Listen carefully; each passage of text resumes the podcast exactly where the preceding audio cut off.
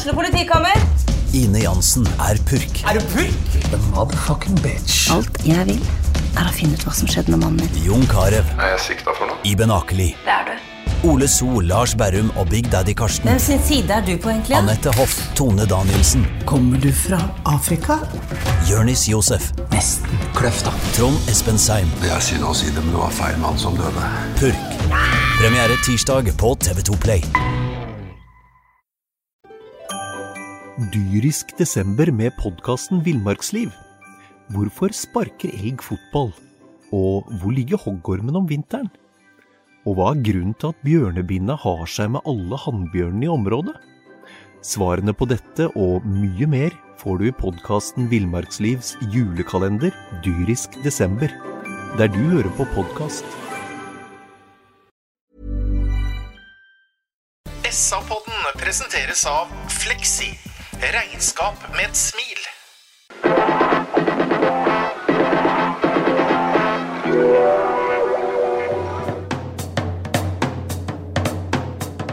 Sarpsborg Arbeiderblad gir deg en ny episode av SA-podden med Sven René Nygård, Øystein Weber, Petter Kalnes og Bjørn Inge Bingen Nilsen. Hallo, hjertelig velkommen til eh, SA-podden. Vi skal eh, preke fotball. I motsetning til Sarpsborg 8 så stiller eh, SA-podden både skade- og sykdomsfrie i dag. På ytre høyre Bjørn Inge Binge Nilsen. Hei, Bingen. Hallo. Sentral til banen, en hardtarbeidende sådan. Sven René Nygaard. Hallo, Petter. Øystein Weberg, oraklet plasseres på venstre ving. Hei. Uh, Hei, Petter. Jeg må bare si at uh, det syns jeg du skal få beskjed om der ute. At nå har vi sittet og preka 20 minutter om noe skolelag i håndball fra tidlig 80-tall. Hvor Bingen og Sven skryter av hvor eh, helt uunnværlige brikker de var. Eh, eh, Sven, du, du hadde vel til og med et trikkskudd fra kant før det faktisk var oppfunnet. Det er bra du trykka på denne knappen her nå, så nå får vi komme i gang med det som Det var ikke bare gjelder et trikkskudd. hvor Jeg følger opp her sånn. Jeg hadde så fart i kroppen den tida der at når vi erobra ballen, så forsto ikke de andre hva som traff dem, for da hadde jeg skåra alt. Det er godt å legge seg. Det jeg hadde tenkt å si, da, Øystein, før du tok tak i det, det er jo at ytre venstre i gamle dager, du vet hva det var? Ja, var det sisteplassen før benken, eller? Helt riktig. Er du engstelig for det? Jeg tar det som det kommer. Ja. Kan bare si at her har vi klippekort alle som én, inkludert meg. Jeg heter Petter Kalnes. Fotball eh, annen påskedag. Sarpsborg 08, Rosenborg 1-1. Vi starter som vanlig med hovedkonklusjon og starter med herr Nilsen. Hva syns du om eh, 90 minutter pluss på stadion eh, mandag, Bingen? Det var en, eh, en gledelig førsteomgang. Det var sol, det var 20 grader i sola, det var masse mennesker på stadion. Koronaen var glemt og gjemt, og vi kosa oss vanvittig i første omgang mot Rosenborg i går. Øystein, din hovedkonklusjon? Nei, mye av det Bingen sier, fikk nesten litt sånn e-cup-vibber tilbake når det gjaldt eh, publikum osv., selv om det er et eh, stykke opp til det svenskene hva de kaller lapp på lukkan, eh, så, så er det jo eh, veldig bra trøkk i går. Veldig bra stemning. Eh, H-feltet, det er jo bare å eh, Jeg hørte en annen klubb som sa at eh, de skulle bygge tribunekultur, og da dro de på studietur til Hamarby. Og det de fikk eh, svar der, det var at de må begynne med å bygge opp de syngende supporterne. Så det var god stemning og god førsteomgang, mm. først og fremst. Vi tar detaljer etter hvert, Sven, men uh, guttene snakker om førsteomgangen. Andreomgangen andre omgangen var ikke fullt så god, men det var vel ikke fullt så katastrofalt som det var mot Kristiansund? Nei, det var det ikke. Eh, Men eh, allikevel så sitter jeg med en skuffende annenomgang. Fordi vi falt veldig igjen. Eh, Så kan man diskutere dette om det er fordi Rosenborg må noe, eller at vi pratet til uendelig om det mentale biten, at man tenker for mye, man har den 1-0 mot selveste Rosenborg, at det skjer noe sånn mentalt, men eh, det, det var ikke veldig bra, men forskjellen nå fra forrige omgang, det var at vi Jeg husker jeg satt sammen med gutta her og så kampen, og så blei vi ordentlig trykka til å begynne med, men plutselig så tok vi liksom litt over igjen. Eh, Da hadde vi ballen mye nede hos Rosenborg og kom med noe innlegg, og da tenkte jeg at nå er det verste over. Men eh, dessverre så kom dette målet her etter hvert, da. Men som du sier, det var ikke like katastrofalt, men vi kan ha en enda bedre annenomgang neste gang. Og så er vel utgangspunktet, Bingen, eh, eller at vi er vel i utgangspunktet fornøyd med 1-1 mot Rosenborg?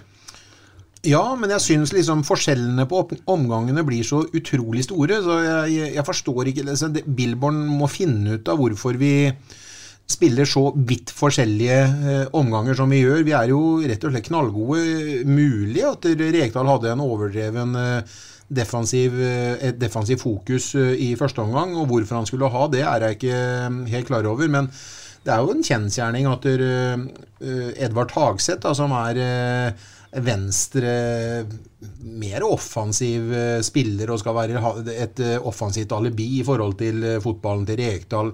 Skal drive med ball gjennom, gjennom banen og kortpasningsspill. Lettbent tekniker. altså Han har jo aldri spilt så mye venstreback noen gang som han gjorde i går mot Rashad Mohammed, som erobra ball første sparket på ballen, snudde rundt, vendte opp og bare utfordra fikk en corner etter 20 sekunder. Så mm. da var på en måte standarden satt med, med, med Rashad, og han hadde en glimrende omgang, etter min mening, kanskje ved siden av Saletros uh, banens beste. Uh, så er, er det noe som jeg ikke skjønner hva som skjer igjen da i, i, i, annen omgang, men det kommer vi tilbake til. Det kommer vi tilbake til. Du nevner Rashad, og vi kan ta det som et uh, innspill til uh, første tema, nemlig lagoppstillinga, der Anders Kristiansen blir plassert i mål. Eirik Vikne og Joakim Solseth er de to bekkene. Uh, Bjørn Inge Utvik, Anton Skipper spiller midtstoppere. Anton Saletos og Junior Martinsson er de to på, sentralt på midten. Mikkel Maigård til venstre. Tobias Heins tilbaketrukken spiss. Gisje Molins er spydspissen. Og Sven René, hva tenkte du da Rashad Mohammed var satt opp på høyre kant og fikk en startrolle for uh, en gangs skyld, for å si det sånn? Jeg syns ikke det var noe, egentlig noe sjokkerende valg nå. Eh, for meg så var det også ganske positivt. for det er klart at Linse, hadde, hadde Linse vært fri, så hadde han ikke starta. Det, det, vet jo alle. Men eh, som du ble inne på her, sånn, så han hadde jo en veldig bra førsteomgang.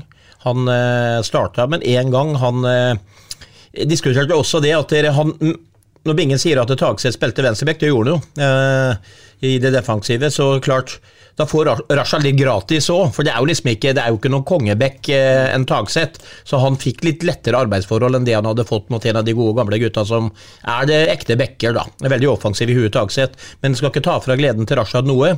Han kom til linjer, og han eh, satt dem på prøve, og så får man heller snakke som vi gjorde dessverre om eh, i mine øyne da, for eh, podder i fjor og alt dette her med, med sluttprodukt. fordi legga det blei jo ikke noe ut av det, for å si det sånn. Nei. Eh, jeg hadde et intervju med Thomas Berntsen før kampen i går, Øystein, og da, da innrømmer han at, at, hvis man hadde tenkt som man gjorde i Sarpsborg 8, eller har gjort da, de siste åra, så hadde ikke Raja starta den kampen her. For da hadde, hadde de gjort om et eller annet, så hadde kanskje Vikte spilt høyre ving, og så hadde en annen spilt høyre back. Det er jo et veldig offensivt valg det Billboard gjør, og et uredd valg. Ja, jeg er helt enig. Det er jo et sånn veldig sånn signalvalg i forhold til akkurat det. Og, og, der er jeg helt enig med Thomas Berntsen. Vi hadde aldri hatt en lagoppstilling med en, med en eh, viss Göteborg-trener, f.eks., bare for å bruke det som et eksempel.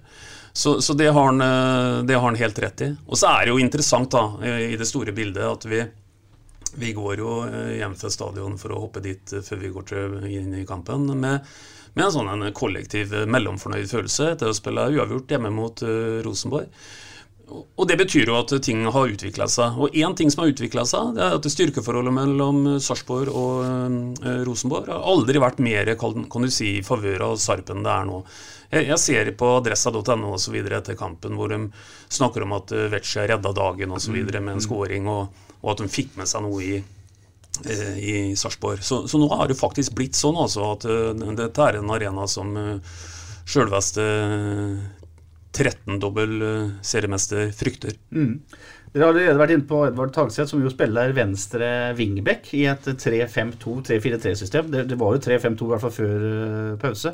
Og som du sier, Bingen, han spilte mer eller mindre ren venstreback, sånn som vingbekkene til Sarpsborg gjorde i fjor, uten å komme seg opp i banen. Mm. De få gangene de kom, så syns jeg Sarpsborg var flinke til å utnytte det rommet som han ga fra seg.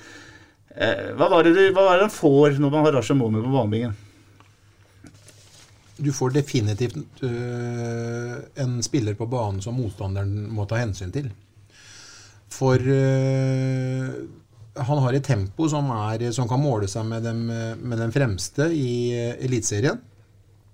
Og hvis du har en sånn spiller Nå klarer han ikke å gjøre det dessverre gjennom 90 minutter, men en som sliter og drar i, i motstanderens backrekke, sånn som Rashad gjør i første omgang, så tør de aldri å la han være eller eh, spille med mindre enn én til to mann på, på Rasha. De må gjerne ha en sikring på nå. Han, er, eh, han representerer noe som, vi, som få eh, har av oss offensivt. Altså, hvis vi kan ta Hva heter spissen vår igjen? Molins, Molins som som kommer ned og møter og møter, og det blir jo aldri farlig med han på banen i bakrom. Han har jo ikke tempo til å erobre ball og vende opp og løpe fra han stopper uh, over 20 meter. I hvert fall har vi ikke sett det enda, men det har Rashad. Mm.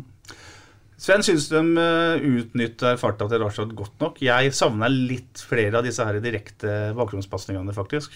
Jeg syns Rashad får ballen for mye i bena. Ja da, og det har du helt rett i. Eh, nå vil jeg bare si det at når jeg sto før intervjuet i går, så snakka jeg med noen andre, og da var det noen som hadde hørt noen intervjuer i noen pause sånn med Rekdal, og da hadde han sagt at dere fikk spørsmål om eh, de var litt overraska over at han la seg så lavt i banen mot Sarpsborg 08. Og da hadde han jo uttalt at vi hadde ikke tenkt til det.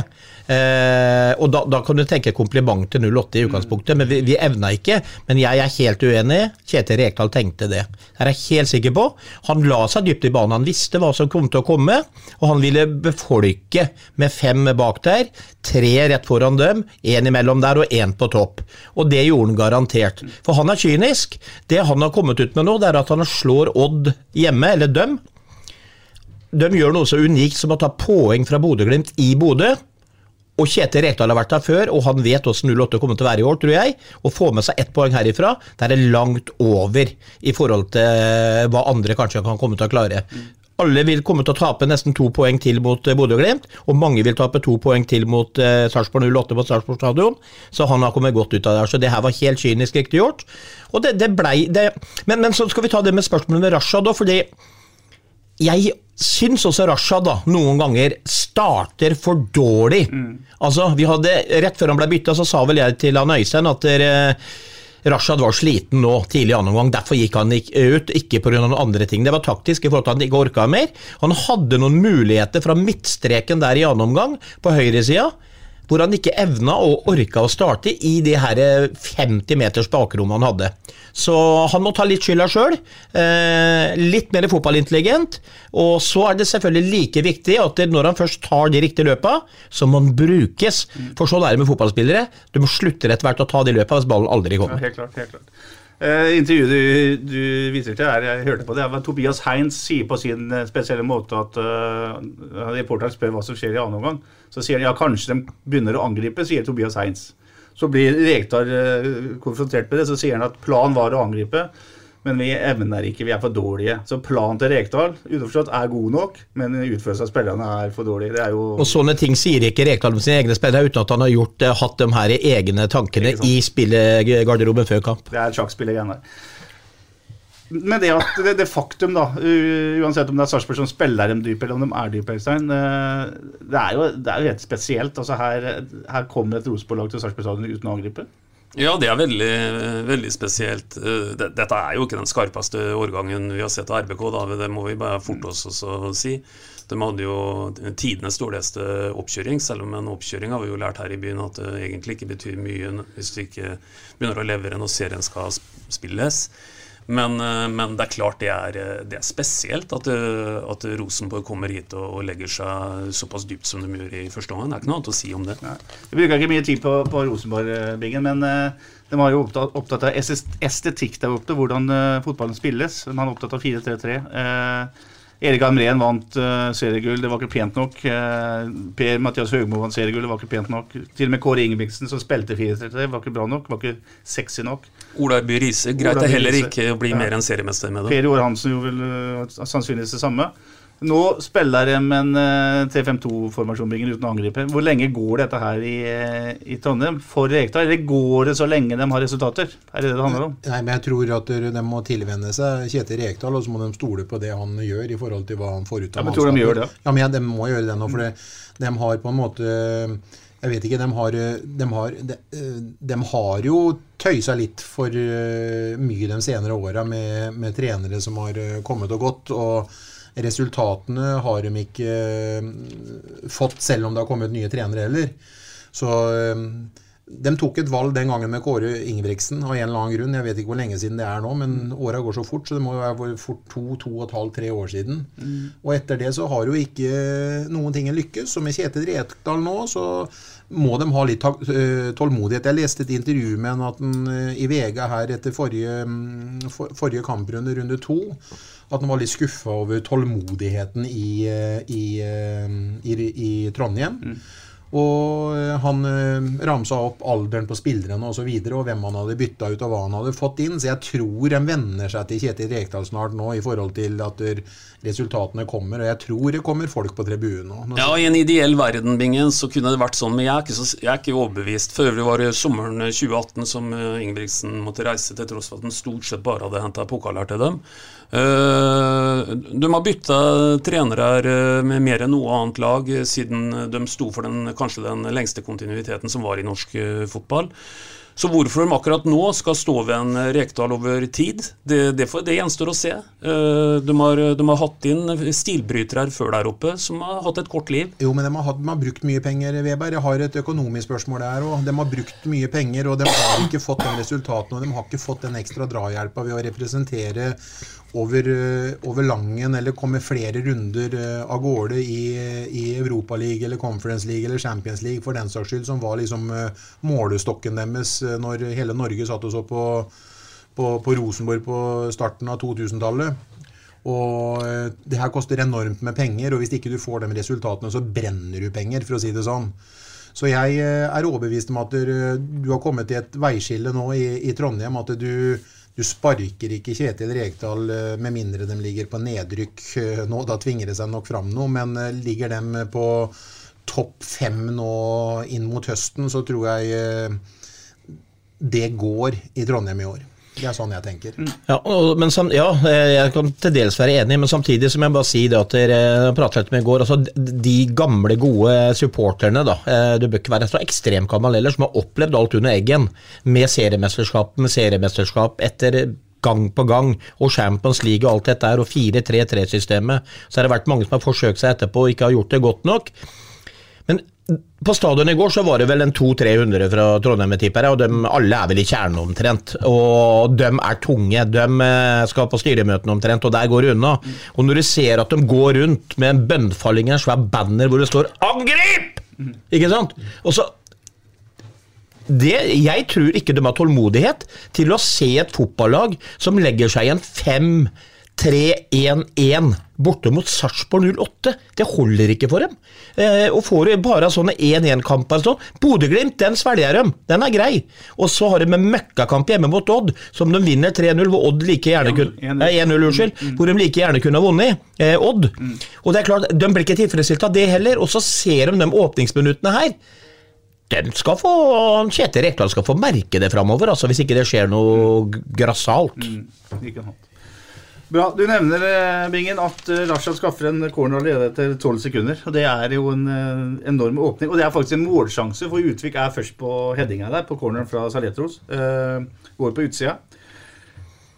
Så kan vi jo kort oppsummere, Sven, at Sarpsborg 8 har ballen klart best. Uh, dominerer banespillet. Eh, men jeg syns, som du sa i stad, sluttproduktet er for dårlig. Det er for få store sjanser ut fra et, eh, bane, et ballinnehav på 58,8% i første omgang. Ja da, det er altfor dårlig. Eh, og så kan man selvfølgelig si at vi sitter akkurat snakker at det var tross alt Rosenborg vi møtte. Eh, de har eh, Blant annet noen av de innkjøpa der som eh, Bingen nesten refererte til i stad, med å svi av penger, og som skulle fornye stallen og hente en Henriksen som eh, snart er all boys etter hvert, for å si det på sykt. Men gutten har vært med på noen kamper før, og de har jo klassespillere. Og det er klart at når de overfolker med sine egne innenfor egen 16-meter omtrent, så er de leie å bryte gjennom. Så det er nok en grunn til at Rosenborg var så defensiv i går, at det blei vanskelig. Litt bedre spillere enn det Kristiansund hadde. De hang litt mer i taua der i forhold til forflytninger defensivt osv. Men med sånn et ballinnehav og eh, så mye ball høyt opp i banen, så skulle vi ha, og skaffa oss flere store sjanser. Jeg er helt enig. Hva tenker du er hoved, hovedårsaken Bingen, til at man ikke får eh, flere store sjanser enn det man får?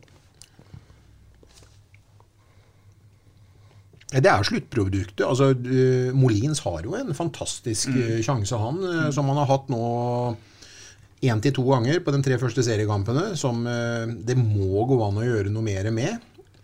Han, eh, han Tobias kommer i en mye mer trengt situasjon hvor han klarer å gjøre noe med han. Mm. Så eh, det er rett og slett sluttproduktet i de avgjørende fasene, som f.eks. Uh, Molins blir spilt opp i rett og slett altså Jeg sier ikke at han er ferdig skåra, men eh, du må kunne gjøre noe mer med de eh, sjansene der. Eh, og så tenker jeg Petter, at eh, det å skåre ett mål mot Rosenborg, som kommer så dypt da, som de gjør i første omgang, det er ikke så aller verst. Det Det er egentlig eh, Hadde det stått det utkampen, så får vi med oss tre poeng. Det vi må stille spørsmål om, og som går inn i et slags mønster, selv om vi er alle enige om at dette var ikke noe Kristiansund-kollaps i annen omgang, ikke på noen måte, det var bedre enn det. Men det er at det laget som tross alt da, kommer så dypt på Sarpsborg stadion som de gjør, er i stand til å, å tross alt ta over så mye som de gjør i annen omgang, så de eh, får med seg det de kommer for. Eh, Det, det, den, den der må en løse, altså. Og så er det en ting til som eh, vi glemmer, og som eh, jeg tenkte på etter jeg kom hjem i går. Fy unnskyld F, hvor mye vi savner Linseth. Han hadde skåra i går. Han hadde vært et eh, dukkeoppkall inne i 16-meterne første omgang. Han hadde satt alle Rosenborg-spillere på prøve, på løp bak rygg, osv., osv. Han er i ferd med han å bli så mye verdt for det Sarpsborg 08, ut ifra de kampene vi har sett. At det, han var så stort savn i mine øyne at det var helt grusomt. Viktig å ha med det. Kai Andersen kalte den kanskje Eller kanskje for en av ligaens aller beste spillere det siste året øh, på sendinga vår i går. Og Kai jeg på Ja, Vi hadde vunnet med Linseth i går, det tør jeg nesten påstå. Sjansen som øh, Bingen refererer til, det er etter eh, 23 minutter. Rashan Mohammed stjeler ballen fra Paule Vacic, den ene av tre stoppere til eh, Rosenborg. Spiller eh, fram Molin, som står ca. på straffefeltet. Eh, så skjønner ikke jeg, Sven, hvorfor han plutselig har det så travelt at han skal ta den på ett touch. Eh, der har han egentlig tid til å legge ballen rolig og, og brese inn i hjørnet. Ja, ja. Eh, jeg har ikke sett Molins mye tidligere i karrieren, men jeg kan godt tenke meg sånn som jeg ser han spille fotball, så var nok han en sånn type spiller at han skjøt på instinkt, bare pang, Mm. pang, Mm. hamra dem inn, sånn som eh, din kjære Jørn Andersen, eh. Jeg husker jeg var med på noen treninger med han òg, hvor det var strekt rist og bare feia til på første forsøk. Men det første jeg sa etter han missa, var at du må ta et touch til, og så må du se opp, og så må du sette han. Det gjorde han jo ikke. Så det var for dårlig. Fordi det har vi jo trodd, Øystein, at, at det er liksom en av styrkene hans, akkurat det der. Ja, og nå, nå snakker vi jo om øh, en spiller som åpenbart ikke er i sin ypperste form. Eh, Det var jo noe annet som ble sagt eh, på forhåndsintervjuene dine i går, som også for så vidt var eh, interessant, hvis vi trekker fram Kai her. Mm. Og han sa jo det at hvis jeg ville, skulle brukt en Rashad, så ville jeg brukt den sentralt som en spiss. Mm. Eh, Det er klart at eh, det er jo også, er også en backup-løsning å, å, å tenke der. For det er klart at eh, nå, nå har vi ingen som eh, foreløpig eh, altså, bøtter inn mål, for å si det forsiktig. Eh, og, og virker jo som at den er litt ute av form, eh, kanskje. Jeg, jeg vet ikke. Så en Rashad er jo i form. Jørgen Klem sa på vårt eget kickoff eh, Han fikk så hatten passa kapteinen vår at det var ikke sant. Men Jørgen Klem hadde poeng. At der, svakheten i 08, sånn som han så det, var, var spiss. spiss. Mm. Og jeg vet ikke mm, om han kanskje har rett, det får tiden vise, men sånn som eh, Molins fremstår nå, så klarer han ikke å stå i duell, eh, klarer ikke å holde i ballen sånn som vi skulle ønske, eh, klarer ikke å holde motstanderen bak rygg sånn som vi skulle ønske, og han er definitivt ikke noe trussel i bakrom sånn som vi skulle ønske. Så nå blir det veldig statisk, og så blir det veldig mange balltap øh, høyt i banen der vi egentlig skulle sugd ballene inntil oss slik at vi fikk laget etter. Det er jo det kombinasjonsspillet Bilbjørn ønsker, som gjør at uh, Rasha sannsynligvis er uaktuell i en sånn spissrolle, som Kai sier. da. Men uh, han ville jo brukt han, brukt han Rasha som spiss på en annen måte. Ja, for, eh, jeg er enig jeg nå. Jeg har skrevet Molins opp på skyene, og jeg eh, har fortsatt ikke gitt opp Molins. Jeg, eh, der hvor jeg tror han er viktig, og som vi ser ved en del anledninger, det er når vi kommer så høyt opp i banen at du blir spillende, stå og bearbeide rett utafor 16-meteren. Og når han får en hard langs bakken, da, de her flikkene i løp bak rygg og sånne ting, der er han ganske eksepsjonell fortsatt i mine øyne. Det er mange av de flikkene som, eh, som går igjennom. Men eh, i dette her med å tru bakrom, der, der er han jo ikke i hele tatt. Det, det har vi bestandig trengt i Sarpsborg 08, bakgrunnsspiss.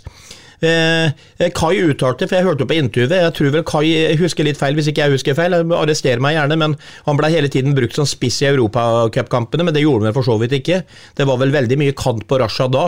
Eh, det var jo Mortensen som fortsatt spilte spiss i de kampene, og vi spilte ikke med en toer her oppe. Han, eh, han slekka vel kanten veldig ofte der også, så Men det er klart det er en interessant tanke, men vi har også sett Rashad i noen kamper som midtspiss. Eh, jeg husker ikke om det er borte mot Vålerenga, borte mot Molde en gang. og sånn syns det er litt vanskelig å finne ut ta de tima løpa i bakrommet òg. Han er ikke veldig god på å se den der. Altså han, eh, han venter nesten på å komme ballen. Ja, da starter jeg, men da er ikke han så rask han engang. Når de andre har tre meter forsprang. Så noe med spillerforståelsen her òg. Det er mye lettere for noen når han vet han skal opp og ned den kanten. Og så må han jobbe med dette her når han kommer der og se ordentlig opp. Finne den rette pasningen og vekte den. Så ja. ja. Det er bra. Eh, skår, eh, sjansen som vi snakka om nå, den kommer for øvrig etter 38 minutter, ikke etter 23 minutter. For etter 23 minutter så er det en uh, annen forholdsvis Eller det er en stor Sarpsborg 8-sjanse. Det er en, også en nydelig kontring der Rashad finner Uh, finner Molin, som finner Saletros, og Saletros velger å skyte fra 16-17 meter, som vrir seg på yttersida av uh, André Hansens høyre stolpe. Der tar også Molin seg et veldig fint løp drar med seg midtstopperen, og så, og så skyter Saletros, og det har vi jo bedt om, uh, Bingen, så det likte vi. Han trakk seg inn i banen, og det er bare tidsspørsmål før han, at nettet letter nå. altså for at der, Nå har han hatt noen muligheter, og han er giftig når han gjør det, når han trekker seg inn i banen, og han tar seg tid, og han vet hvor han skal ha den, så det er ikke tilfeldig at han stryker stolpen, men nå blir det snart stang inn. Mm. Ja, og vi må innstendig be om mer, eh, for, for, det er helt riktig. Eh, det er ikke veldig stor avstand på de to siste skuddene vi refererer til, den ombingen som er eh, marginen som blir bomma på her, og den er veldig nære den i ja. går òg. Så, så vi, vi, må, vi, må, rope høyt til Saletros altså at dette må du gjøre oftere, Anton. Jeg liker for øvrig også at uh, både Soltvedt og også Mikkel Margot skyter fra distanse i går. Det er dårlige skudd. Det ene går over går ned på kunstisen, og det andre er litt sånn strømpetreff. Men den prøvebingen, det er viktig å skyte. Absolutt. Ja. Bra. Uh, hører med til historien at Rosenborg har et par halvsjanser. Uh, de, de, får litt trøkk på 08 når de først kommer inn i 16-meteren, men summa summarum første omgang så er det hjemmelag som er klart best. Og man får også lønn for strevet, Sven, på overtid i første omgang. Uh, Soltvedt finner uh, Saletros, som skal skyte. Men så kommer uh, Karl Holse, tror jeg, og i en duell som holdt på å spille ballen til Tobias Heins. og der er Heins lur. Ja da, og og det, jeg må si det at dere Jeg blei egentlig glad når Tobias Heins eh, kom til Sarpsborg 08 som, som på, på Rekanes på fjøl, for å kalle det det, rett før vinduet. Uh, og så er det sikkert mange som tenkte ja, kommer han igjen, og så nå stikker han vel snart, og alt der, men for en åpenbaring. Altså, Når folk snakker om hvem som var banens beste og sånne ting i går, så er jeg helt enig. Jeg tar med Saletros eh, over 90 minutter. Når du ser den første omgangen til Tobias Heinz Han henta baller i hytt og pine, han spilte opp kamerater. Han, han var så leken utpå der, og han syns fotball er så gøy nå. Så han er en åpenbaring både for Sarpsborg 08 og for norsk fotball generelt. Og det er som jeg, jeg, jeg, sa vel det til ham på intervjuet i går òg, mener jeg, at eh, jeg var glad for at han havna hos deg. Fordi at når du ser Det er jo liksom det er jo ikke, er, Den er ikke ferdig skåra selv om du er nære der. Han setter altså den så på små marginer mellom et bein på keeper og mellom den stolpen, der hvor det er litt rom. Og nei, det, er, det var flott at han fikk den der, og både for selvtilliten hans videre også, for han er en sånn spiller som må lykkes vet du, for at han skal blomstre videre. Mm. André, André Hansen dekker jo bra der, Bingen, faktisk. Ja, men han øh Sven sier det er, det er smartness fra Tobias. Jeg, eh, jeg, føler ikke at han bruker kraft, og han, eh, han bruker rett og slett smartnessen sin. og han, han går vel jeg vet ikke, Går han under André Hansen, eller hvordan eh, kommer den? Han kommer tett på. Jeg litt sånn inntrykk at det, uh, han går liksom eh, mellom stolpe og mellom høyrebeinet til André Hansen. Ja, det er en ja. liten luke der, og den ja, liksom. Ja, så han bruker jo ikke noe kraft i skuddet. Han rett og slett plasserer den der. Ren presisjon. Han, han, skal ha den der, han skal ha den der, og der setter han den. Mm. Tobias Heinz er en sånn kunstner blant uh, gråarbeidere, Øystein. Som du sa om Raymond Kvisvik den gangen, da han var i SFK. Ja.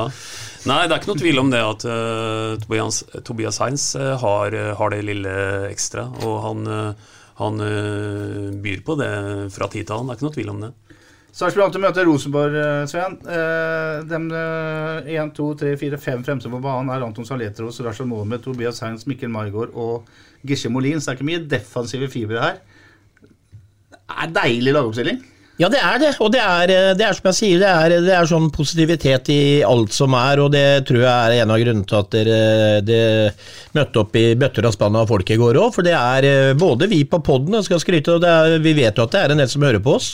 Eh, vi har jo snakka om Billborn-fotball og offensivitet og alt dette her, og at det blomstrer i byen. og så det er klart at dette her trigger noen, når man ser et fotballag som man har støtta over mange år, og har sittet på stadion og gridd seg i øya og sittet bakoverlent og håpa på en 1-0-seier i ny og ne og alt dette her. Og for, nå, nå ser vi jo at hun bare pøser på med sjanser.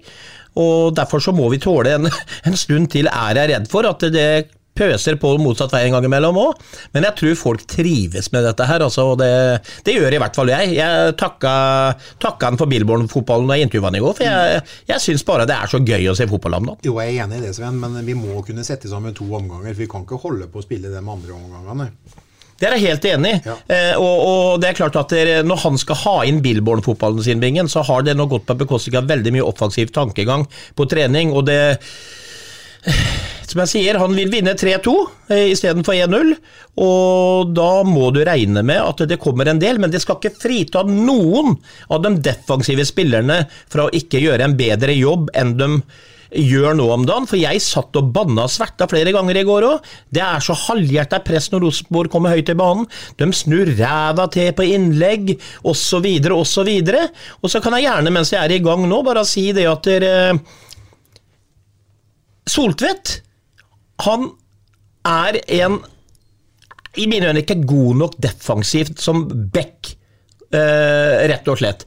Han er meget god i banen eh, når vi presser, når han kan komme til legg, men når vi blir satt under press, så sliter han med det. har han jo vært ærlig på sjøl òg. Han har sagt jeg har egentlig aldri vært noe back. Det er utfordringen nå til Billeborn, når vi blir satt under trykk, at uh, sidebekkene våre de er Vikne er litt bedre der, men han er også veldig offensiv i huet. Ruser ut i press osv. Blir godta, kommer lett til innlegg.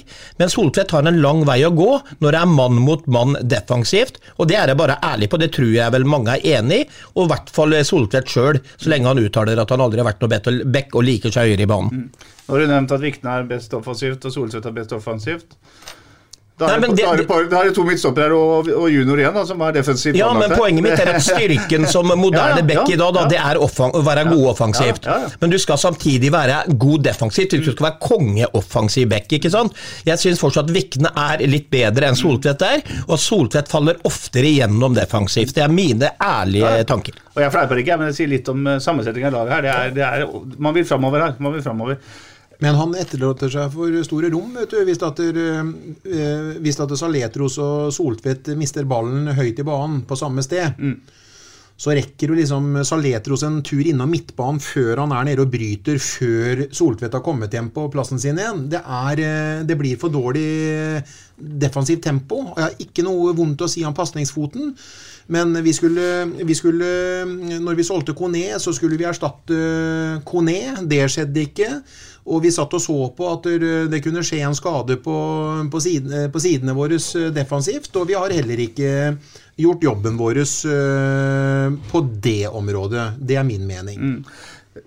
Veldig bra innspill, eh, Bingen. Vi skal også ta et For øvrig må jeg bare si det, Sven. Hvis jeg, jeg har sett på påskekrim på Wisting i påska. Mm. Sven ser akkurat ut som han eh, Austad, assistenten, altså. assistenten til ja. Wisting. er Røffing òg, det. Han er, røff, han. Er det han du etterligna med den capsen ja, ja, ja, og den ja, jakka di? Ja, men jeg kjenner den privat òg, ja, men det visste du ikke. Men jeg syns at uh, han Sven uh, er litt penere, det må jeg si. du, men, men, men, bare følg opp den bingen. Jeg har sett på Wisting. Trodde du at hun der som var bestyreren på det hjemmet med var hovedmorderen her, eller? eller men jeg er ikke ferdig med serien, gutter! Det som irriterer meg, er at det aldri ble noe mellom amerikanske FBI-agenten Nå må vi gå inn til poden her igjen, for jeg har tre deler igjen.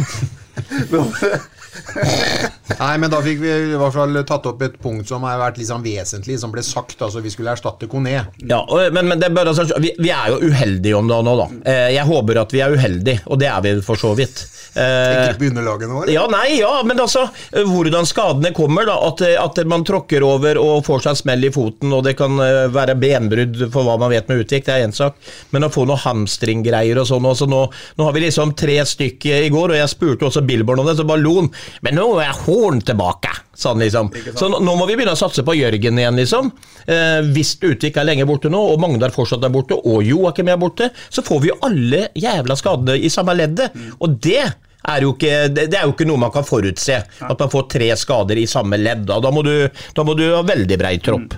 Helt uh, idet Bingen begynte å dra oss inn i påskekrimen, så hadde jeg tenkt å ta en liten overgang til et innspill vi har fått fra Geir Myksvold Lande.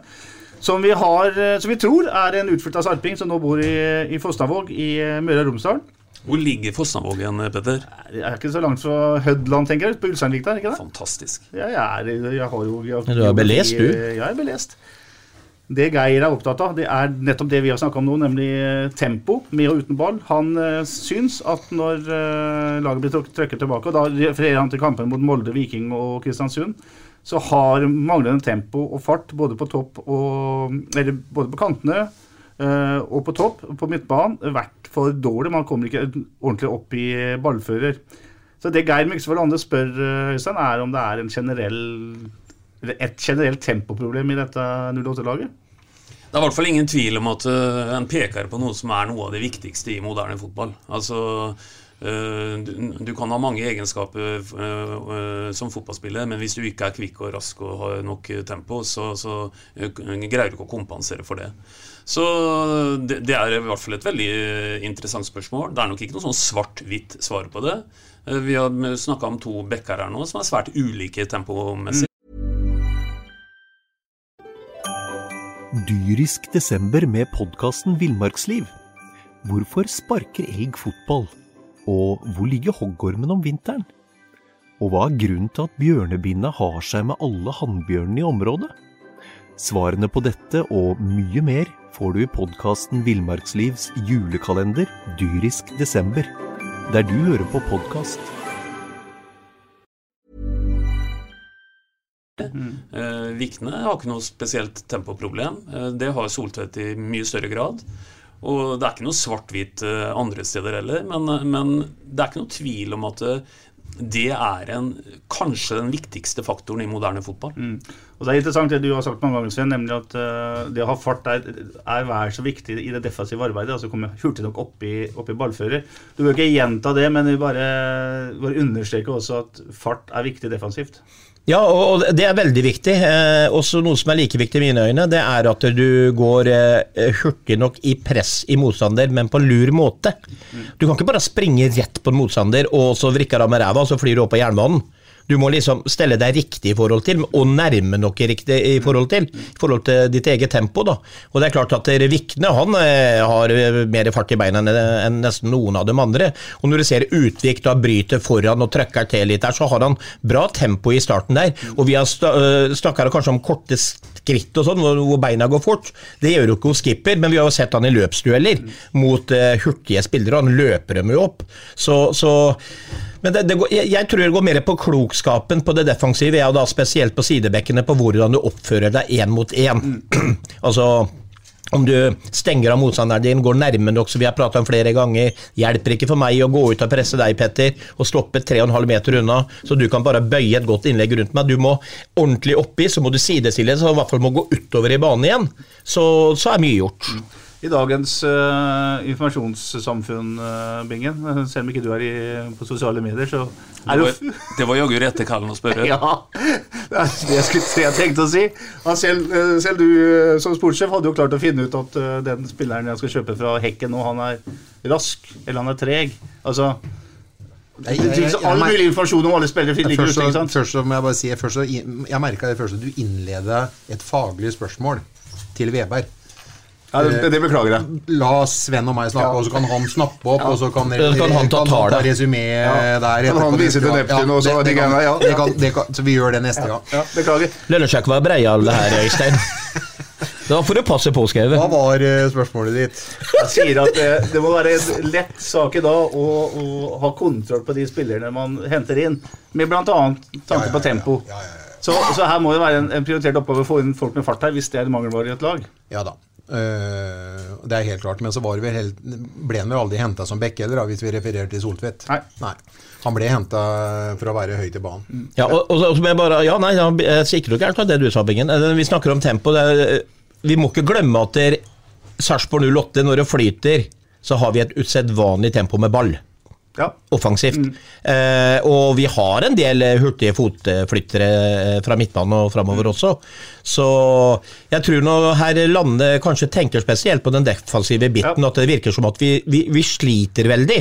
Og, og at det, kanskje ikke alt er bare pga. tempo, men noe pga. det. Det har vi vært inne på. Men offensivt så har vi et veldig bra balltempo når vi setter fart, og da, da går det unna, Gunnar. Men, men, men eh, når de kommer ut etter pause, så syns jeg eh, det da skjer noe i forhold til det generelt. For å svare på det spørsmålet til han eh, Geir fra Mm. Fosnavåg. Sikkert fra Sarpsborg, som vi tror. Veberg tror i hvert fall det. Og så vil jeg tro det at vi har fått noen beskjeder i pause. Jeg syns det er rart at vi sjøl begynner å dra ned tempo. Og jeg kan se at Anders Kristiansen begynner å dulle mer med ballen i andre omgang, i starten av andre omgang, enn det han gjør i første omgang. Vi skal ha, da, eh, vi skal ha noen helt hjem eh, for oss å hente den ballen, eller skal han begynne å spille opp innafor både 16 meter og 5 meter, at det blir mye kortpasningsspill. Og da syns jeg vi allerede er i ferd med å bidra til at vi sjøl skaper et dårligere tempo, hvor det blir lettere for Rosenborg å stå høyere i banen, og den kan presse oss. Og de kan sette oss i farlige situasjoner ved at vi sjøl bidrar til å dra ned tempo. Det er min oppfattelse av starten, i hvert fall av andre omgang. Og Billborn sier til meg at en av grunnene til er at de, har, de slipper fra seg ballen for tidlig. Altså De skal ha ballen lenger før de eh, på en måte gir den fra seg. da. At De sier nesten indirekte at vi skal tørre å prøve litt mer. Men vi har jo også sett det, Bingen, at eh, vi har spilt oss greit ut fra egen 16-meter mange, mange, mange ganger. Eh, Men det blir en konsekvens i går. ja da, i går ble det en konsekvens. Eh, men så, det, det var så unnvikende han eh, Tobias òg, Heins, når jeg spurte han om hva prata var i garderoben. Han sa jo indirekte til meg, da, jeg vet ikke om han angra litt på det han sa, men at de, de skulle være, ta litt mindre sjanser. da. Være- Billborn eller Tobias? Nei, Tobias Ja vel, okay. sa det. Eh, være, være, han sa, jeg husker ikke om han sa akkurat kynisk, men i hvert fall ta litt, litt mindre risiko. Eh, og det er ikke sikkert det kler dem heller, ikke sant, med å gi fra seg ballen før. For Billborn sa tydelig fra til meg at vi, vi gir fra oss ballen for tidlig. Så han ønska å eie den enda mer, og det sa han vel for så vidt forrige gang òg. Så sier han der gjør vi ikke det vi har blitt enige om, sier han. Siste spark på ballen i første omgang, Øystein, det er et, eh, en ball som går i mål til Sarpsborg 8. Eh, Så kom man ut etter pause, og så går det nesten ti minutter før Sarpsborg får tak i kula. Eh, Er det en ren mental øvelse der? Det snakka vi om mye forrige gang òg. Ja, det var i hvert fall ikke Vi trengte jo ikke så mye som ti minutter engang for å bli uroa i forhold nei. til tendensen ja, noen gang. Eh, Det var jo sånn vi satt oss og snakka. Nå var vi jo veldig på, på det alle sammen. Og skal vi se med en gang om vi reiser reiser Reiser Snukjerringa, iallfall. Sa han. Ja, og snu kjerringa. Vær forsiktig med sånne ordspill. Ja, ja, ja, vi har jo dritt og, lillemor her, de, de sliter nå. Det ser jeg.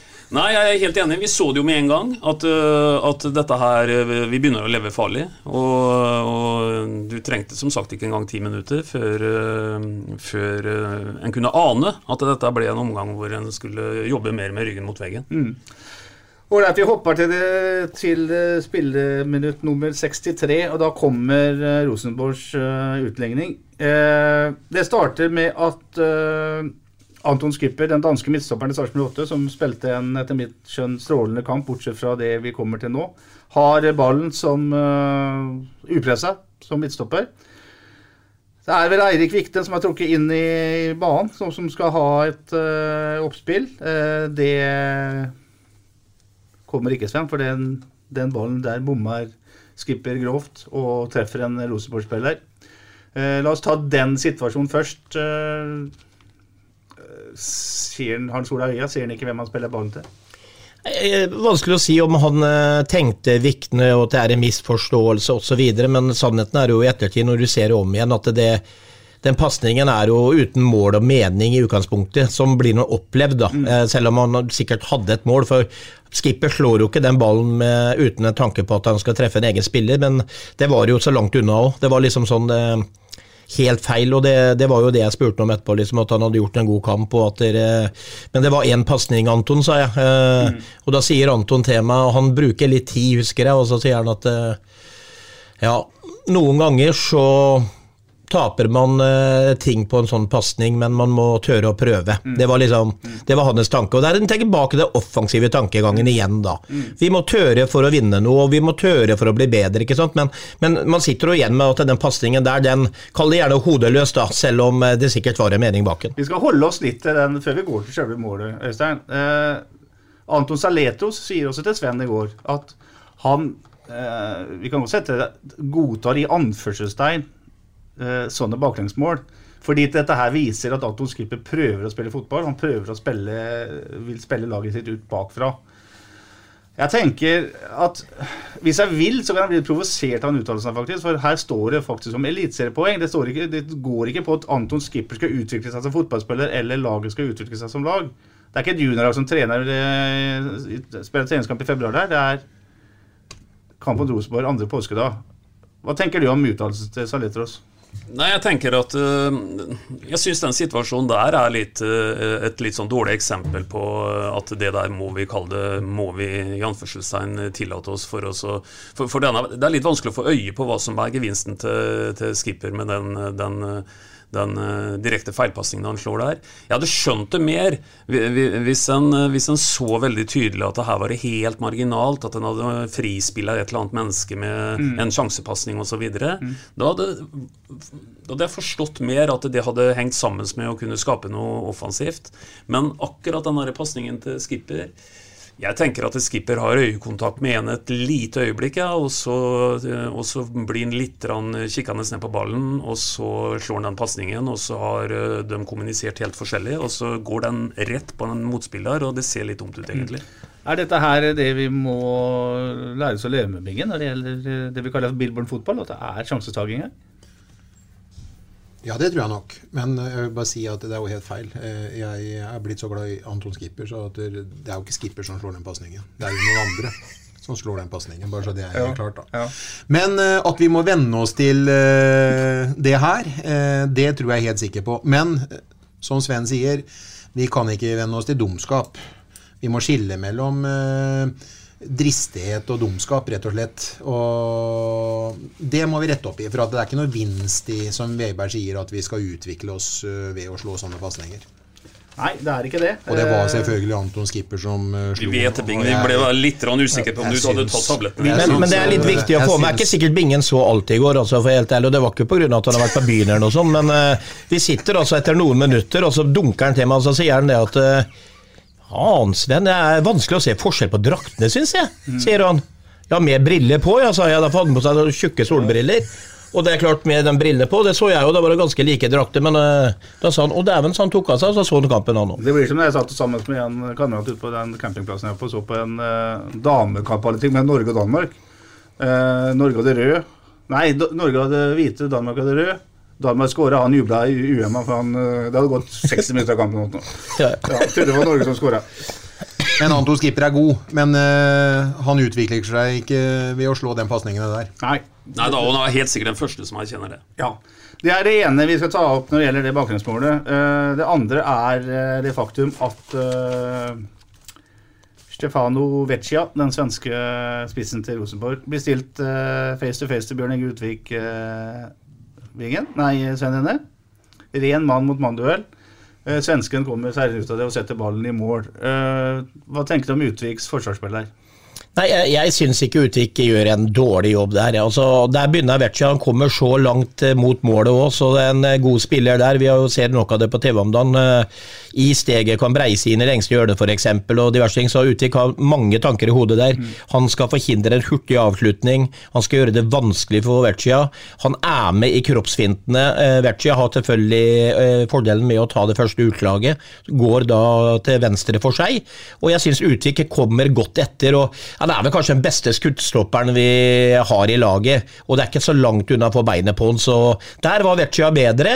Eh, men Utvik gjør ikke noe dårlig defensiv jobb i mine øyne. Men la meg spørre da, når du satt forrige gang etter eh, bakgrunnsmålet mot Kristiansund, der eh, Saletros og Junior Martinsson er i en én-mot-én-situasjon med en eh, Kristiansund-spiller. Da slakter du i og for seg begge to Ja. for den forsvarsjobben de gjør. og, og de slipper til uh, skuddet, dem òg. Ja da, men jeg syns det at hvis du går inn på det målet der, så er første henseende der er at eh, Saletros går halvhjerta i, i press. Eh, vender bare rumpa til sida.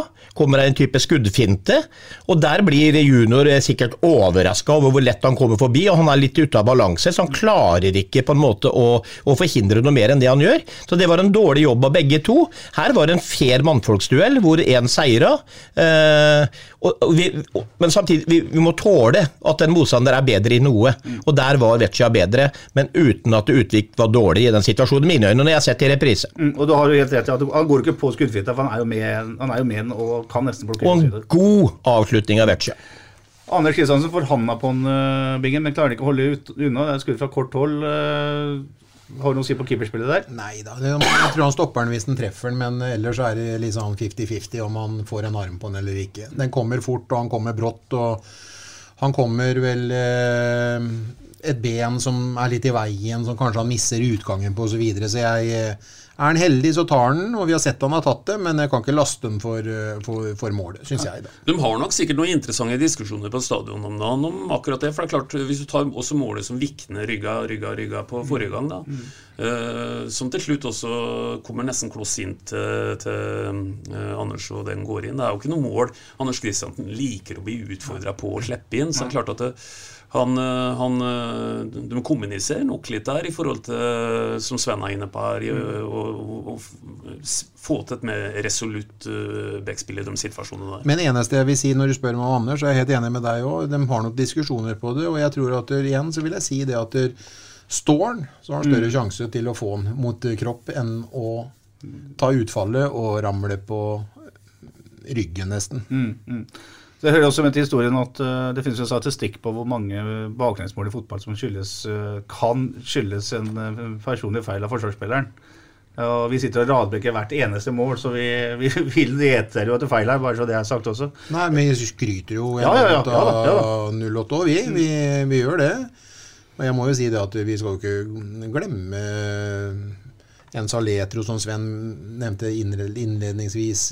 Altså vi, vi sitter ikke og leter etter feil for at vi spiller 1-1 mot Rosenborg, men vi sitter og håper, snakker om at vi håper at vi kan få to like omganger. Mm. For da kommer vi til å være vanvittig gode, og da kommer det til å bli skrevet om, i, om oss i, i rikspressen igjen, for da spiller vi virkelig festfotball. Og noe av det som er i ferd med å bli det viktigste i Billborn-fotballen, tenker jeg, når du spiller med en firer bak, så er de backer. Men vi skal jo ha ballen så mye vi at vi skal være mye høyt i banen. Og da er bekkene like viktig offensivt som det de i utgangspunktet er defensivt. Når jeg spilte bekk, og du, så, så var det forsvaret som var viktig for oss. Vi skulle være der nede og passe på så ikke motstanderne skåra. I dag så skal du være der oppe og bidra til den offensive fotballen. Altså, eh, Soltvedt de skal komme på legg hele tida. Du skal være der oppe veldig ofte. Men du er fortsatt back. Og det å finne bekker som er så gode offensivt, samtidig som de er gode defensivt, det er nesten to av de viktigste fotballspillerne i Billboard-fotballen. At sidebekkene er outstanding. Og har ballen enormt mye i tillegg. Eh, ellers er, har jo du sett spøkelser før i dag. Det var Vecchio som skåra, eller? Det var ikke, det var ikke Odiversen eller Harald Sunde eller noe? Nei? Korrekt, Petter. Bra, Det var takk. det. Eh, Resten av matchen eh, er vel eh, skal vi si, sammen, Hvis vi sammenligner med Kristiansund-kampen, så kommer, seg, kommer jo Sarpsborg seg inn i denne matchen her. Det er ikke noe noe sånn hjerte i halsen hele tida, i hvert fall. Nei, kan ikke sammenlignes med annenomgangen mot Kristiansund. Heldigvis for det. For det var, det var, en, det var en elendig annenomgang. Så elendig var ikke den annenomgangen i går. Men samtidig så, så gir jo Jokke Bjørkelund osv. rene ord for pengene og er skuffa over annenomgangen. Leverer ikke det de, de forventer. Så så de trenger ikke å høre på SA-poden for å eh, høre at annenomgangen ikke var noe optimal. De kan bare gå i egne rekker og få det godt forklart av sine egne trenere. Mm. Rosenborg har et uh, frispark i overkant av tverrleggeren. Uh, nærmest skåring for Sarpsborg 8 er Kristian uh, Fardal Opseth, som har vært sjuk i halvannen uke. Trener for første gang på søndag. Spilte kamp på mandag de siste ti minuttene. 10-12 minuttene. Og bidrar til laget. Og bidrar virkelig til laget. Den headinga der, Øystein, den var bra. Ja, den var bra, men den var ikke fullt så bra som eh, Bingen og jeg trodde. For vi trodde første gang her at, eh, at han, eh, han, André Hansen hadde henta fram en, en, redning av ypperste, ypperste klasse. Men hvis jeg ser bildene som ligger ute på sa.no, så så er det en TV-redning han, mm. Eh, han, gjør der. Han mm. Eh, måtte ikke ut i sånn veldig sidelengs strekk for å ta den. Jeg trodde han først var oppe og henta den, jeg er ja. helt oppe ja, det, men det var ikke det. Altså. Nei, nei, det var ikke det. Men, men, eh, men, Fardal rekker å vise på de minuttene han spiller i går, at at han også ikke har skåra sitt siste mål i 08. Han har også en heading til som er meget bra, som også går på like på utsiden av målet. Både Skålevik og Fardal Opseth kommer inn i det 81. minutt. Før det så har Jørgen Horn kommet på banen Sven, for en skade av Bjørn Inge Utvik. Der er en ankelskade på Utvik som man ikke vet eh, omfanget av uh, as we speak, som heter på nynorsk. Men Jørgen Horn ser ut som en eliteseriespiller så det holder. Det første som slo meg da, var at da skal han uh, unge fysiske monstre, Holm bl.a., som får kjenne på litt andre kvaliteter. og Han hamra jo ut noen innlegg fra huet i går, og han dro en uh, sålefinte bort på kanten der. og Det er liksom bare å ta av seg hatten, vet du, for, ikke bare for at han har kommet tilbake og tilbake og tilbake, men å gå ut og duellere sånn som han gjorde ved noen anledninger inne i går, og, og har den roa med ballen. For han vet jo innerst inne at han sikkert har vært litt hurtigere i kroppen og alt dette her tidligere, men han stoler på seg sjøl, vet du. Og det er klart at han har spilt mye i Sverige og Billboard, og de vet jo hva han går for, og de ser noe på trening. og Hvis han begynner å komme i ordentlig ordentlig fysisk form, så er det, men det har vi snakka om før, er jo en forsterkning. Altså han eh, da han kommer inn der i går, så blei jeg mindre redd for de legga som kom i boks. Han er jo først på alt, og han ofrer jo lemmer, han, i de duellene. Så nei, det er nydelig. Det er nydelig. Men vi er jo syltynne bak der nå, i, i kvantitet, da. Eh, for er det sånn nå at Utvik skal jo utestøm, for å håpe det ikke er veldig lenge, og vi i tillegg har en Ødegård ute, så er vi jo eh, Da er vi to eh, erfarne stoppere her, og så er det juniorrekka som må opp og konkurrere. Så, så, nå får vi håpe at, eh, at uh, dette her heles uh, rimelig fort. Mm. 16 år gamle Elias Klingberg Haug sitter på benken i går. Fantastisk morsomt. Uh, en, si én ting til om det, Petter. For det, det syns jeg i hvert fall det går an å sende et budskap om. Vi har gjort det før, og jeg vil i hvert fall gjenta det. Det å ta med seg han 16-åringen på benken i går gjør det hver gang. Ikke nødvendigvis han, men, men den læringa den der gutten der får av å være med på hele oppkjøringa til en kamp osv., eh, forutsatt da at du ikke har en benk her hvor, eh, hvor du ofrer noe med mm. en sånn en eh, plass. Stort sett så vil du kunne få til det det der eh, gir et signal altså, at det sitter en egenprodusert 16-åring på, på, hjemmebenken. Fortsett med det. Bra. Det er en gutt fra Indre Østfold, fra Askim opprinnelig lagkaptein på landslaget, aldersbestemte landslaget han spiller på. En uh, meget bra fotballspiller. Han var bra. Jeg har kommentert en kamp hvor han spilte, og ja. han imponerte meg faktisk. Så han, eh, der har vi noe i vente. Han har vært veldig god på trening i påska òg, sies det. Det ender 1-1, uh, gutter. Ballbesittelsen ender 51-49 i Sarpsborgs uh, favør. 9-7 skudd på mål. Unnskyld, 9-7 i skudd, 4-3 i skudd på mål. Sarpsborg vinner altså alle de parametrene som blir målt. Runda for øvrig. HamKam Sandefjord 3-0. Haugesund Godset 0-1. Jerv Kristiansund 1-0. Molde Lillesøm 1-2. Odd Viking 2-1. Og Glimt uh, Vålerenga 5-1. Uh, noe å si om de andre matchene, Bingen? Det er ikke sånn umiddelbart. Det er vel greit at det skjer litt rann, eh, både forventa og uventa resultater innledningsvis. Og så kommer vi over i annen tredjedel av sesongen så begynner det vel å sette seg litt mer, og så kommer noen bakpå. Så må man, eh, kommer man inn mot et vindu igjen, et sommervindu, og så skal man eh, prøve å ta igjen det tapte. Så det er jo liksom fotballens mekanisme, det her, da. Vi kan registrere at Geir Bakke Lillestrøm gjør det bra, Øystein. Eh, Seier i- i Molde, selv om det var en straffesituasjon som var mest fokus på i etterkant. Ja, Eller iallfall en frisparksituasjon. Ja, men uansett å reise fra Røkkeløkka med tre poeng, det, det, det er et sterkt resultat. Det er ikke noe å lure på. Så legger vi merke til at Kristiansund har fått en tøff start, eh, Sven. Har du møtt uh, Verdal etter å ha gått uh, svevd på en sky i flere år her borte? Det er, nå er faktisk det litt mulig. Eh, nå har det jo vært sånn at jeg husker før sesongen i fjor, så hadde de en oppkjøring på en seks-sju kamper hvor de ikke fikk med seg å kalle det et poeng omtrent engang. De tapte alt som var, og så bare gikk de ut i 101 som de har gjort hvert år. Eh, men det her har de ikke opplevd før. Det, den starten de har nå, den har de ikke hatt siden de rykka opp i var det 2016. Eh, mener jeg er det, mener jeg leste det. Eh, og nå svir det litt under bena på dem. Og det samme gjør det for Haugesund nå. Det er eh, Men så må jeg bare si da at jeg sprang jo hjem i går, eller sprang er jo å ta i, jeg satt på bak rattet. Eh, og kjørte hjem og forta meg for å se på Vålerenga-Bodø-Glimt. Eller Bodø-Glimt-Vålerenga. Vet du hva? Kjære store allmektige skaper, altså. altså det, er, det er ikke det at de vinner 5-1, det er måten de vinner på, liksom. Altså, og så per nå, så jeg, jeg fatter ikke hvem Og du kunne slått i sammen Rosenborg, eh, Lillestrøm og, og, og Molde i ett lag og brukt spillemateriale sånn, men ikke hatt en sjanse. De, de er jo helt eh, outstanding, rett og slett. Så det er, eh, det er så imponerende. Og da ser du hva det går an å gjøres, da. Hvis du har tro mot et system, bruker samme spillerne, trener på de samme tinga, ikke frykter noe. Derfor så liker jeg tankegangen i Sarpsborg. De skal ikke frykte noe i utgangspunktet. De skal bare pese på litt. Og det er, det er show, rett og slett. Offensive tankegang. Ja, ja. Og så er jo det å si at eh, de folka som herjer oppe i Bodø-Glimt, de har jo hatt sine spillekarrierer andre steder og ikke skremt noen. Eh, For all del, Hugo Vetlesen har alltid vært en habil fotballspiller, han, men han briljerte jo selvsagt ikke på denne måten her i Stabæk på noen som helst måte. Eh, han eh, var Sol, med navnet Solbakken i Ranheim. Ja, med midtspissen på Tromsø. han- Sønnen til han Lars Espejord. Ja. Eh, topp spiller, men det er først nå de uh, altså, de, de henter jo akkurat de rollene de vil ha. De, mm. Dette her kan de, altså. Og jeg er enig med Sven. Jeg satt også og så på dette her. Nå hyller vi jo ofte Bodø-Glimt, men jeg må si at det, å, og, og, komme igjen etter den der Jeg tror Alf Prøysen ville kalle det for en trynskrell som de fikk nede i, i Europa der, og tapte 4-0. De kan noe om å nullstille oppi der, altså, for å si det sånn.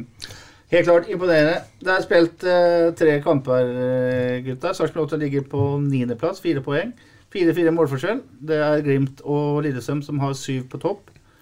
Molde, Odd og Viking og Jerv har seks poeng. Rosenborg har fem. HamKam 08, Ålesund og Tromsø har fire. Sandefjord og Godset har uh, tre. Og Vålerenga har tre. Kristiansund og Haugesund er uten poeng i bånn. Uh, Dere får hvert uh, en par setninger til om uh, dette oppsummeringa. oppsummering. Ikke pek på han hele tida. Kan, ja, han, kan, eh, kan han bare fortelle lytterne én ting på noe han er veldig? Flink til da. Nå har vi spilt tre kamper av 30, Øystein. Kan du fortelle lytterne prosenten av det? Ja, men, men nå må du følge med, Bingen. 33, det er 10 Så flott, var det jeg tenkte. Se. Men da må jeg få stille spørsmål, for jeg har fått mange til forrige podd. Altså, fortsatt er det folk som Hvor David kjøpte øl. Ja! Hvor kjøpte han ølet? Hvor kjøpte han Vet du at Jeg har fått så mye spørsmål, og det viser at folk lytter litt på lære podden. Første de spør, er ikke eh, faglig, det er 'hvor kjøpte David ølet'? Ja, jeg skal lære dere et uttrykk til, og det heter også 'strø perler for svin'. Det passer i denne sammenhengen. Nå får du gå hjem og Gå lese hjem og google det. Gå hjem og Men google så det, du har ikke svar på hvor David kjøpte ølet? Du får gå videre, Petter. Jeg ser ikke noe lurer, kjære lyttere, hvorfor dette her tar over en time hver gang, så skjønner dere det. Jeg hadde en lang og fin inn... Årum Handel var det. Det, Jeg tror jeg hadde vært på Kiwi. Du brune på høyre side er brunsvidde. Det er deg, Sangamingen. Det jeg prøvde med en lang innledning på Øystein, var at dere, alle tre herrene her skal få til å si litt om uh, oppsummere de tre første matchene med noen få ord. Ja, øh, det er tett og jevnt, og øh, godkjent poengs, poengfangst. Øh, vi, det er ingen som har full pott her, og vi henger i aller høyeste grad med, med, med fire poeng på tre kamper. Eh, det skal bli veldig spennende nå å se hva vi får ut av spesielt kanskje nå de to eh, neste kampene. Jeg tror Jeg, jeg ser lyst på det. Helt enig. Når jeg så den startlista vi skulle ut i med Viking, Kristiansund borte og Rosenborg hjemme, så hadde jeg forventa, for helt ærlig, selv om jeg er positiv i huet, så hadde jeg forventa et tap på en av de kampene. Det kom imot Viking. Og så tar vi en brennesterk seier, syns jeg, mot Kristiansund borte, som alle sliter med. Og så tar vi jo et poeng da hjemme mot Rosenborg. Altså, Rosenborg vil være i nærheten der oppe, garantert utover, så helt, helt medium pluss for meg. Det har vært jevnt. Uh, 1-0 var vel, eller 0-1 var skuffelsen hjemme mot uh, Viking i åpningskampen. Så har vi en uh, kruttsterk 2-3 mot Kristiansund, hvor vi roligere rolig an en annen omgang som vi egentlig godt kunne ha tapt kampen på. Og så spiller vi uavgjort mot Rosenborg hjemme, og det tar vi egentlig. Vi tar, vi tar, vi tar jo seieren mot Kristiansund, og vi tar seieren mot Rosenborg, eller uavgjort mot Rosenborg tar vi alle dager i uka så var det litt uh, tråkig mot slutten mot Viking. Poddens overtid. Da skal vi gå inn i en overtid der vi skal snakke om uh, noe som du som toucha innledningsvis, Øystein. Nemlig det faktum at det var bra trøkk på Sarpsborg stadion annen påskedag. Det var solgt 5506 uh, billetter. og Inntrykket mitt er at de aller fleste som hadde kjøpt billett, faktisk var til uh, stede. Og sett runden under ett, så er dette her et meget anstendig tilskuertall. Ja, vet du hva, jeg kan nesten gå lenger. Jeg syns det er råsterkt tilskuertall. Hvis vi ser på serierunda som ble gjennomført i går, så er det bare én match som har flere tilskuere, og det er på Røkkeløkka. Og det er jo helt andre fasiliteter osv. som alle kjenner til. Det er bare et par 300 mennesker mer der. Ellers så er dette det nest beste uh, resultatet. Og i en sånn post-koronatid som vi lever i nå, og så raskt har gjenetablert et, eh, et uh, tilskuertall på 5,5. Nå har vi jo faktisk over fem i snitt på de to første hjemmekampene. Det syns jeg vi skal være veldig veldig fornøyd med. Og Sarpsborg har mange merkelapper. Det er kalla en arbeider- og en industriby. Det er kalla en solby. Det er jo selvsagt også kalla for en hockeyby. Men jeg vil si at uh, nå viser vi i går at vi er i høyeste grad en fotballby. Bra. Uh fotballen som blir spilt, Sven, det, det er ikke ubetydelig Det er, er, et ikke ubetydelig poeng for folk skal komme og se eh, laget. Det holder jo ikke lenger etter, Når man har vært oppe i, i den ellevte sesongen, så holder det jo ikke å si at uh, man skal komme og se på Rosenborg, liksom. Det må være noe underholdning òg. Uh, eh, her bidrar Billborn. Ja, det gjør han definitivt. Og så tenker jeg at der, så, ja, men så bidrar media. Eh, media har de samme oppfatningene som det vi snakker om i, i poden. At det er offensivt og det er gøy, og uh, vi er privilegert som endelig får oppleve å se angrepsfotball osv. Og, så og det skriver og dere i SA om. Det blir det omtalt om i riksmedia, uh, på Eurosport. Alt dette her gjør jo eh, til at, det, at, folk blir nysgjerrige i tillegg. For alle elsker jo å se mål i fotball. Og å Gud, jeg blir helt sånn rar i kroppen når jeg snakker om det òg. Det er liksom det, alle de kampene vi har sittet nede de siste åra, som jeg har messa om flere ganger, hvor vi håper på en målsjanse og et mål, liksom. Det, det jo, nå bare venter vi på neste målsjanse. Mm. Og det er jo liksom en stor forskjell. da. Så jeg, jeg tror at eh, Billborn og omverdenen har bidratt her til de grader. Du har levd et liv på Sarpsborg stadion, uh, Bingen. Både i og utafor målet, hadde jeg nær sagt. Uh, er dette her Eller når du gikk hjem fra stadionet i går, hva sa folk til deg? Hva er, var publikum eh, tilfreds, selv om man var skuffa over at det bare ble ett poeng? Eh, skuffelsen var der. Mm. Eh, akkurat som jeg har gjengitt her, at vi må sette sammen to omganger. Eh, var mange som uh, Bingen, nå får du lære dem å spille to like omganger. Ja. Men akkurat som Det er jo ikke noe vi påvirker, men, jeg, men, men skuffelsen var der i forhold til det. Og de er jo helt klar på at det er en offensiv fotball eh, som vi spiller når, vi, når, når, det sitter, og det er de veldig glad for å se. Og de ser at vi skårer mål, de ser at vi tar poeng, men eh, de ønsker å se at vi gjennomfører to like omganger. Og så eh, litt tilbake til uh, tilskudd. I disse post-koronatider. Ja. Og litt tilbake til uh, tilskuertallet, vet du, Petter. Uh, vi, vi, har jo hylla Bodø-Glimt på inn- og utpust her. Eh, Det er jo ikke mulig å gjøre noe sportslig bedre prestasjoner enn det de gjør, for å for å trekke folk. Og sist jeg sjekka, så bodde det 49 000 mennesker i Bodø. De knocker altså ikke 5000-grensa i går, hjemme mot, uh, mot Vålerenga, som også har, uh, har vel ikke sånne merkelapp på seg for å være det kjedeligste laget i Norge sånn generelt sett. Det sier, altså, derfor jeg sier det, det er for at uh, når vi skal snakke om et tilskuertall, så må vi sette det i en relasjon med noe. Uh, og, derfor så er det tallet 5500 mennesker uh, nå når vi har satt i gang egentlig på alvor igjen etter ikke bare to år med korona, men tre år med fotball som folk har følt at i perioder har vært som å kanskje nesten se maling tørke, i hvert fall i store perioder. Det tyder på at det er veldig veldig mange mennesker som er sultefòra på den underholdninga det kan se ut som at Billborn kommer til å gi oss. Og jeg tror at eh, det er nok et stund, som jeg sa i stad kanskje også, til at det blir det svenskene kaller lapp på luka og utsolgt, for da skal du vel opp i nesten åtte på stadion. Men trafikk skaper bare mer trafikk. Bingen og jeg vi koser oss i sola, men vi koser oss jo ekstra når det sitter folk rundt oss, og det er den stemningen som det var i går. Og jeg fikk som sagt nesten litt eh, e-cup-vibber av H-feltet og av det trøkket som var på stadion. Og Dere så også i dag på hjemmesida til 08 hvordan Billborn uttrykker akkurat det samme. I perioder var det helt umulig for han å nå igjennom med beskjeder ut til spillerne, i hvert fall hvis de var et stykke unna. Støyen var for stor. Bingen og jeg satt i sola i går, jeg òg, vel. Ja, du har litt Kosa sånn- meg, jeg også. Ja, men du har litt Selv i disse post-koronatider. Men du, du har litt følsom hud, eh, Sven, Nei, så vi er litt det. forsiktige med deg. Vet ja, du. å si det, Setter deg litt bak i at, eh, I disse post-påsketider så ser jeg at du har vært i påskesola. Hele dag. I hele dag, ja. Uh, I hele påska, ja. Vi skal avrunde med å se framover mot en tur til Alfheim. Vet du hva navnet på hytta mi er? Altså? På Gol? Heter ikke Alfheim over Det det? heter Alfheim. Er Det er en uh, fra Tromsø som eide den før, eller? Nei, det var eh, Du har, du har arva navnet? bestefaren min det, som heter Alfsen, det vet du. Det skjønte oh, ja. du. Alfheim. Tromsø kommer fra 2-2 borte mot eh, Ålesund. Møter Sarpsborg 8 hjemme søndag klokken 18. og så går det, Sven? Nei, Det tror jeg blir en veldig underholdende kamp, for eh, Tromsø er veldig spillende. De må like litt eh, tikka-takka, eh, men eh, for å gjøre spørsmålet ganske kort, det blir spennende å høre hva Bingen tipper, men jeg er i hvert fall 3-1 til 08. Jeg har eh, tenkt å sette, la lytteren vente i spenning på bingen i dag. Jeg går til Øystein. Jeg tror det er mulig å vinne i Tromsø, selv om det er, det er et tøft lag, det. De har kommet godt i gang, de òg. De har vel akkurat som oss fire poeng. Så jeg sier vi vinner 1-0 der oppe, ja. Mm, Jeg vil også føye til eh, det at eh, vi har snakka mye om baklengsmål. Det kommer ikke noe baklengsmål i Tromsø, så Sarpsborg 8 vinner eh, 2-0.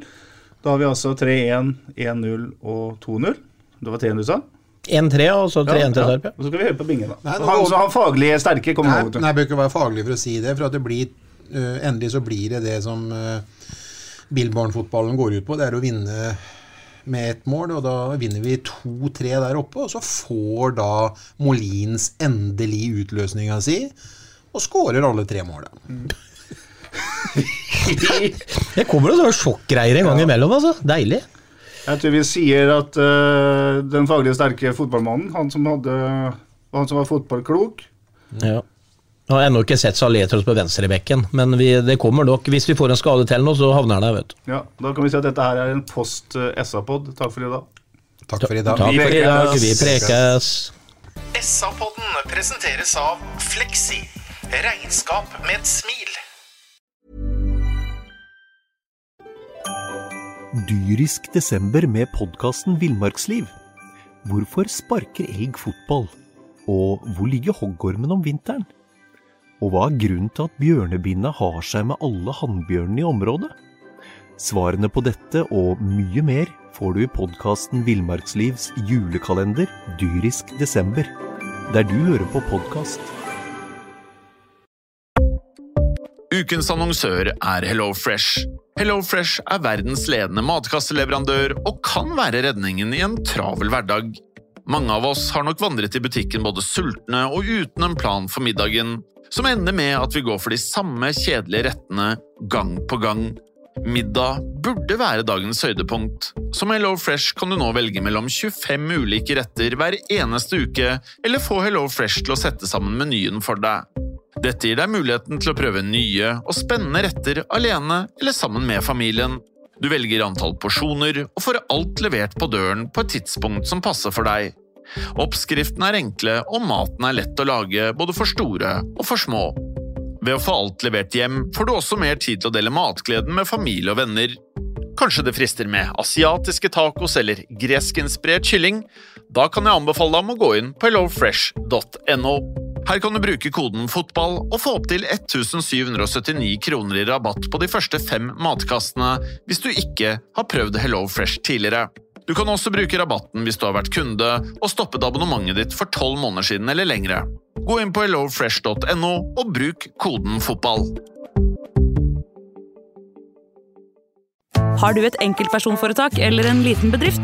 Da er du sikkert lei av å høre meg snakke om hvor enkelt det er med kvitteringer og bilag i fiken, så vi eh, gir oss her, vi. Fordi vi liker enkelt. Fiken superenkelt regnskap.